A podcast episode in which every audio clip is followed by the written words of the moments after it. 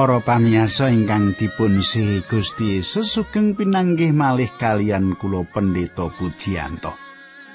Kula badhe sesarengan kalian panjenengan wonten ing salebetipun adicara margi utami kados pundi pawartos panjenengan kadang kula menapa panjenengan sae-sae kemawon pandonga kula panjenengan tansah sae-sae lan dipun berkahi dening Gusti Allah. Tumrap panjenengan ingkang nembe kemawon mirengaken adicara menika adicara menika ndherekaken panjenengan sinau kayektosan saking kitab suci lan ugi ndherekaken panjenengan nyemak saben kayektosan menika. Panci pangajeng-ajeng kula panjenengan tambah mangertos menapa ingkang dipun pratelakaken kitab suci. Monggo nyaket kula mriki sugeng midhangetaken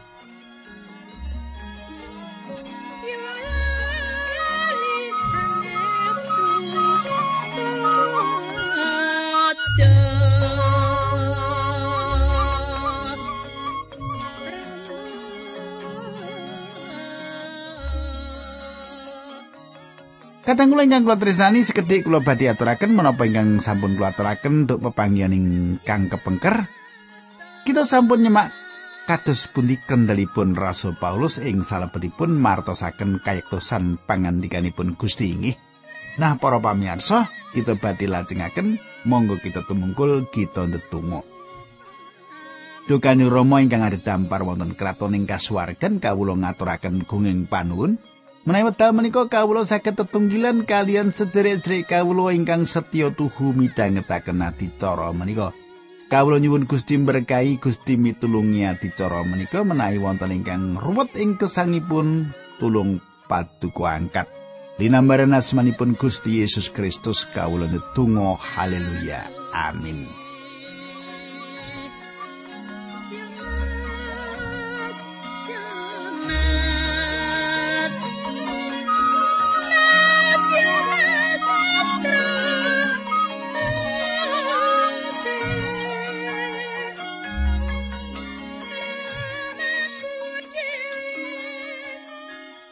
Para pamirsa ing dinten menika kita nglumebet ing kalih Korinta bab 11 ayat kalih awit kepengker kita sampun nganci ayat setunggal kalih Korinta sedoso.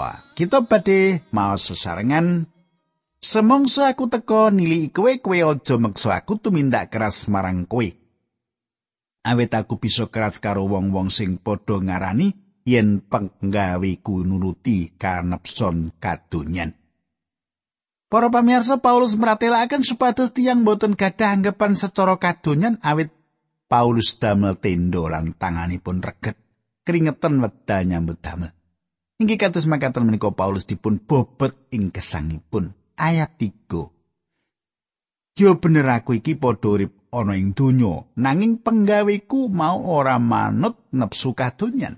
Para pamirsa tembung Yunani nepsu kadonyan inggih menika sar Menika saged dipun ginakaken ing salebetipun tigang cara ingkang benten-benten.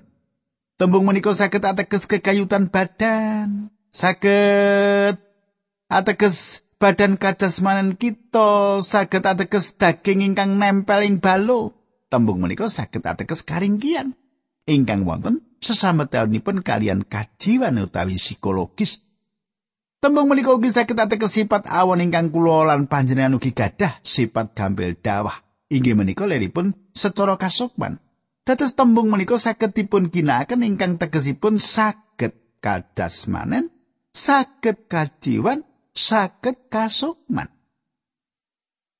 Para pamirsa Paulus ginakaken tembung kadonyan ingkang tegesipun tigang jenis menika. Nanging langkung asring dipun tegesaken Adam lami utawi sipat ingkang gampil dawah. Jogi panjenengan semak Rom pitu ayat 18. Aku ngakoni yen aku iki manungsa ora kadunungan apa-apa sing becik senajan aku kepingin nindakake sing becik nanging aku ora bisa nglakoni.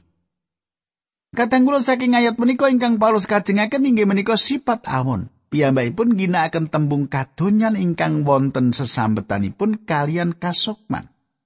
Ing wekdal piyambakipun sanjang pancen aku kabeh isih ana ing donya nanging aku kabeh ora budidaya secara kadonyan. Piyambakipun ginakaken tembung donya ingkang pangertosanipun inggih menika secara kajiwan. Paulus meratelaken piyambakipun tasih gesang ing donya saged dipun tegesaken karingkian. Kulo gada pemanggih, pilih Paulus kisah dateng Korintus menika mboten kanthi kegiatan daging.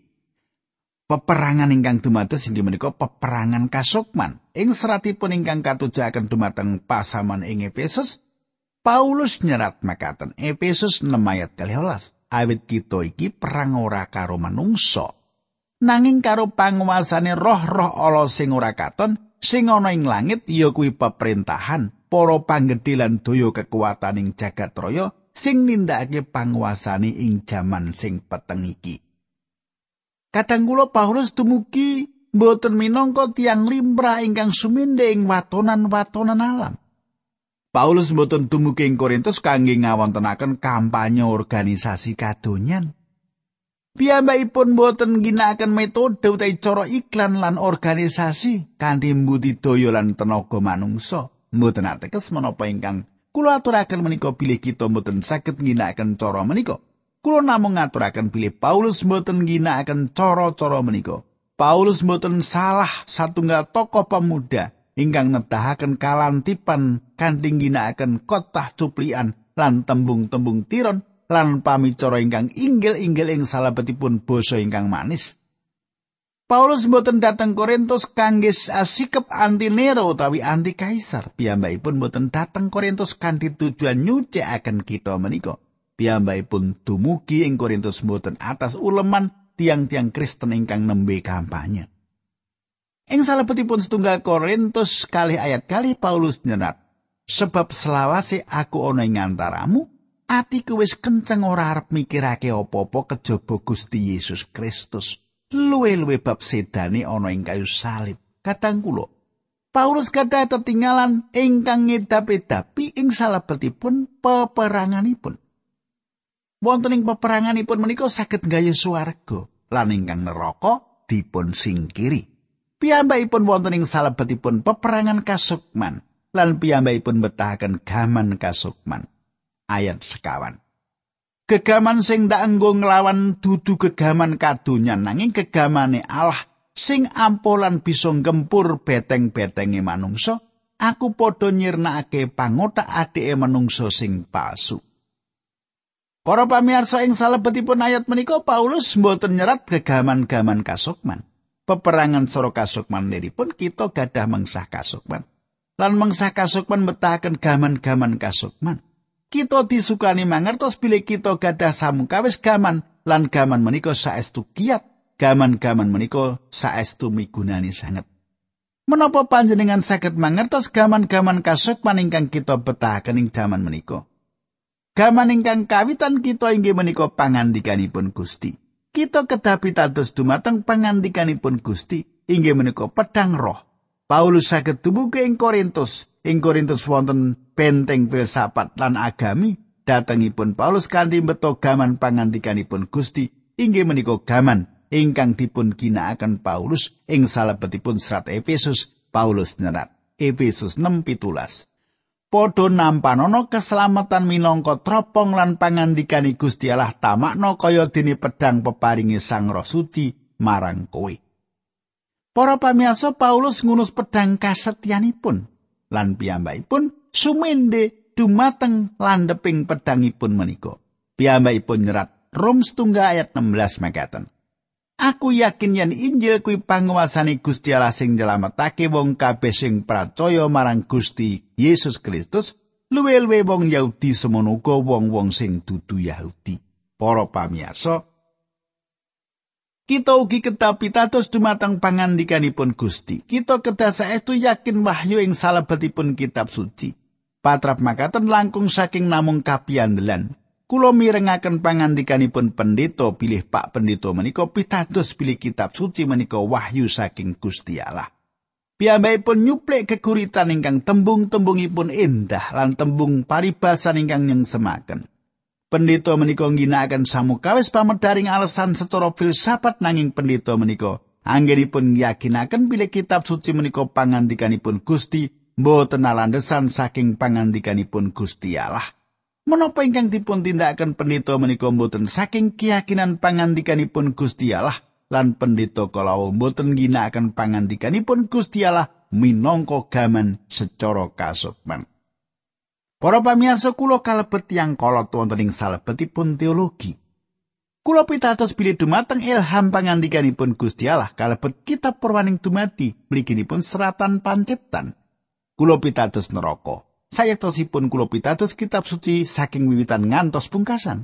Pangandikanipun Gusti menika pedang roh. Kadang kula inggih menika salah satunggalipun gaman kita.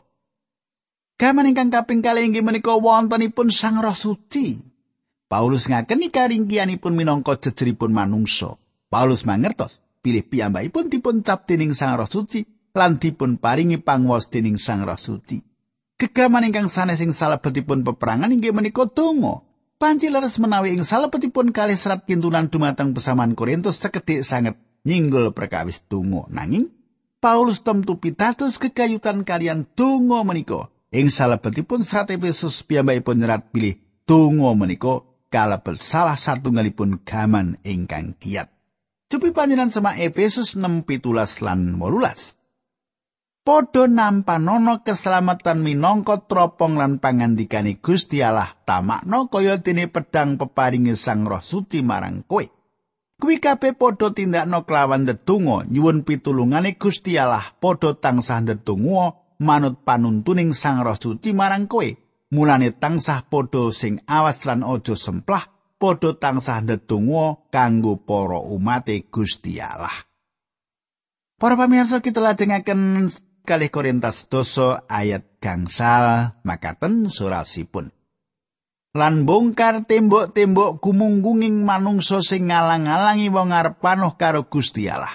Aku padha nelokake pikiran-pikirane manungsa supaya manut marang Sang Kristus. Para pamirsa, ing salebetipun peperangan kasukman menika para prajurit kasil ngaturaken para prajurit menika kasil mboten ateges kula matur menawi para prajurit menika mimpang. Gusti Allah kemawon ingkang mimpang menawi kita kasih sedaya kamulyan kunjuk panjenenganipun. Cetha nggih cupi panjenengan semak kali Korinta ayat 18 bab kalih. Nanging atur panuwunku marang Gusti Allah dene ana ing Sang Kristus Gusti Allah tansah nuntun aku kabeh ana ing dalaning kaunggulane Gusti Allah wis ngagem aku kabeh martakake kawruh bab Sang Kristus mau kaya dene gondo wangi sing sumebar ana ing ngendi-endi kita mboten saged mimpangaken sinten kemawon kunjuk Sang Kristus nanging kita saged martosaken pangandikanipun Gusti. Puji Gusti atas wewengan ingkang tinarbuka kangge ngaturaken paseksen ing jaman menika kita mboten mimpang nang kita saged yakin menawi kita kasilan sukses ayat 6 lan 7 Semongso kowe wis mbuktekake setiamu, aku bakal ngukum sake wong sing ora setya. Kowe padha ngerti perkara sing sanyatane. Menawa ing antaramu ana sing nganggep dadi kagungane Sang Kristus, mbok ngilingono yen aku iki uga kagungane Sang Kristus padha wae. Para pamirsa ngrembak kekayutan nelawanan Paulus meratelaken aku iki uga kagungane Sang Kristus padha wae. Kita lajengaken ayat 8. Aku ora isin ngegung-ngegungake panguwasa sing wis diparingake dening Gusti marang aku, awit panguwasa mau kanggo mbangun kowe ora kanggo ngrusak kowe. Kadang kula, Paulus gadah kaprabawan minangka jejeripun rasul. Kalenggan menika mboten gadah tujuan ngrisak pesamuan. nanging kangge mbangun pesaman ingkang dipun kajengaken inggih menika mbangun imanipun. Kula lajengaken ayat 9 lan sedoso. Aku ora niat meden-medeni kowe srana layang-layangku. Mestine ana sing arep muni layang-layange Paulus kuwi keras lan pedes nanging yen adu arep karo kita dheweke tanpa daya lan tembungi ora teges. Para pamirsa. Paulus mboten gadhah kekajengan serat-seratipun keras lan pedes kamangka Paulus piyambak ringkih menawi wonten ing tengah-tengahipun pesamuan. Kulo yakin perkawis menika nedahaken dumateng kita pilih Paulus menika tiangipun mboten yang semaken. Ewedal tiang-tiang mirengaken Paulus cetha sanget kanggenipun tiang-tiang menika pilih Paulus anggenipun mucal mboten kanthi kegiatan jasmani utawi pasahipun khotbah utawi ginakaken daya tarik pribadinipun. Manut kula Paulus menika satunggalipun gerabah ingkang ringkih. Saged ugi sami kalian Samson ing jaman para hakim.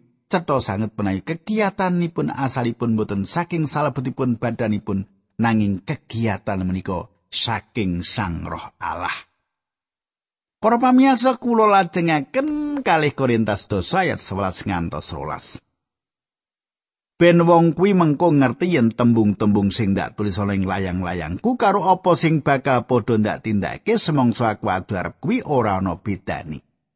Pancen aku ora wani madhake awakku karo wong-wong sing anggepe wis sampurna, wong-wong kuwi bodho banget, padha gawe ukuran manut panemune dhewe banjur nanding awake dhewe nganggo ukuran mau.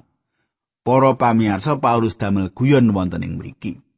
Kathah tiang-tiang ingkang bandingaken badanipun kalian sesaminipun. Ingkang dados jalaran ing menapa kathah tiang ing gereja kita gadah anggapan menawi tiang-tiang menika ngidapi-dapi. Tiang-tiang menika nganggep badanipun ngremenaken tiang-tiang rumaos rohani awit tiang-tiang menika bandingaken badanipun kalian tiang-tiang Kristen sanes ing salebetipun kelompokipun. Patrap makatan menika mboten ukuran ingkang kita angge kadang kula. Inggih menika lelampahan ingkang dumados ing jaman samenika. Tiang saged wonten ing gereja ingkang adem lan tiang menika piyambak ribah dados adem nanging tiang menika mboten krumaosi sebab piyambakipun bandingaken badanipun kalian tiang-tiang Kristen ingkang adem wonten ing sakiwa tengenipun. Kita sedaya perlu wonten ing caketipun tiang-tiang Kristen ingkang nantang kita. kata sanget yang Kristen ingkang wonten ing salebetipun sawetawis kelompok alit utawi gereja lan tiang-tiang menika rumaos marem awet tiang-tiang menika sedaya wonten ing salebetipun perahu ingkang sami. Kita lajengaken ayat 13. Nanging tumraping aku anggonku ngegung-ngegungake ana watese. Watese ya kuwi ayahan sing diparingake dening Gusti Allah marang aku, klebu pegaweanku ana ing antaramu. Para pamirsa ingkang dados pangguru neliti yang pitados sing Korintus inggih menika Paulus mboten purun andatengi tiang-tiang menika. Pasaman menika sanjang Paulus badhe nyisihaken wekdal sesarengan kalian ingkang sanes. Nanging boten dumugi ing Korintus kangge manggi tiang-tiang menika. Kata tiang Kristen ingkang ngritik pendetanipun awit piyambakipun boten nate nyisihaken wekdalipun kangge nuweni tiang-tiang menika. tiang-tiang menika gadah kekajengan dipun tuweni langkung kathah malih jaman samenika. Katang kula, menawi pendeta nyisihaken wektalipun kangge tresnani lan manjakaken tiang-tiang menika, Pak Pendeta menika mbucal-mbucal wektal kemawon. Pak Pendeta menika kedah nyisihaken wektal kangge tiang-tiang ingkang sangat mbetahaken pitulungan. Pendeta menika ugi kedah nyisihaken wektal kangge anggegilut pangandikanipun Gusti. Kula lajengaken ayat 18 ngantos 16 kalih Korintus dosa. Sarene kowe klebu ana ing sadurunging wates mau mulo dek aku nekani kowe martakake Injil Sang Kristus aku ora nerak wates. Lan aku ora padha ngumumake bab pegaweane wong liya sing ana ing sanjabane wates sing wis ditemtokake dening Gusti Allah kanggo aku nanging pangarep-arepku supaya kapercayaanmu saya mundak lan aku padha bisa nindakake pegawean kang luwih gedhe meneh ana ing antaramu sajroning wates sing wis ditemtokake dening Gusti Allah. Yen wis mengkono aku lagi bisa martakake Injil ing panggonan-panggonan liya, ora susah nganggo ngegung-ngegungake pegawean sing wis dilakoni ing laladane wong liya. Para pamirsa Paulus ngimutaken pesaman ing Korintus bilih piyambakipun sampun andhatengi langkung rumiyin. Inggih Paulus ingkang kawitan pindah martosaken Injil dumateng pesaman menika lan supados dateng ing kita Korintus piyambakipun kedah nilaraken griyanipun ingkang sanget dening tepih. Paulus nyukani mangertos pilih menapa ingkang dipun tindakaken boten kepingin dados pangen ing gereja. Piyambakipun dipun timbali dados utusan. Sesampunipun miwiti pedamelan, piyambakipun bading lajengaken dhateng papan ingkang sanes. Paulus mangertos wates-wates sing peladosan. Piyambakipun boten nate mbangun atas landesan tiang sanes. Kula lajengaken ayat pitulas lan wolulas.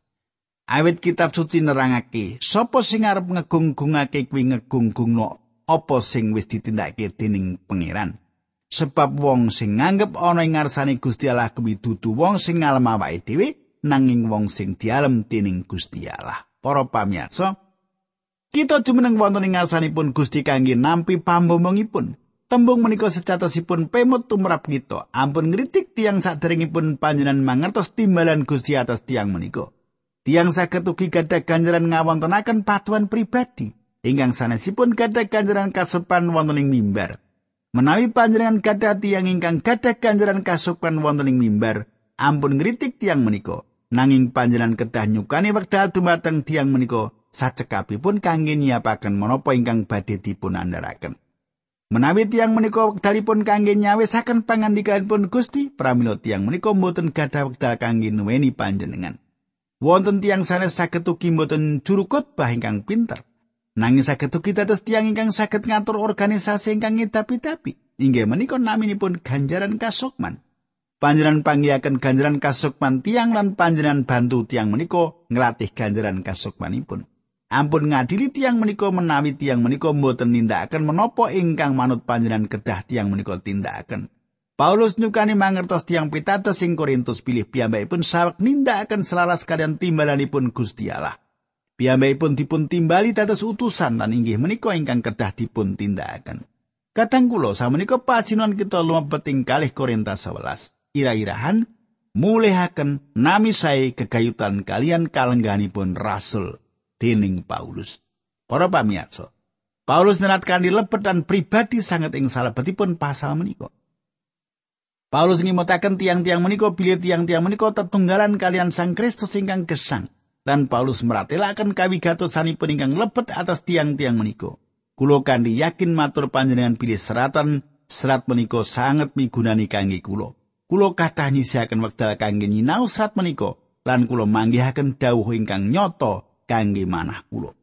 Perangan pungkasan serat kintunan dumateng pesaman Korintus menika ugi ngrembak babagan timbalanipun Rasul Paulus ing salebetipun pasal sedasa kita sinau gegayutan asrinipun kalanggan Rasul Paulus. Samenika kita lumebet ing perangan ingkang saestu pribadi inggih menika kados punti mulihaken nami sae gegayutan anggenipun Paulus dados jejeripun rasul. Kula wasaken bab 11 saya setunggalan kalih. Ibo becike. Kita sampun dumugi wonten ing Kali Korinta bab 11 ayat setunggal kula witi ngantos mangki.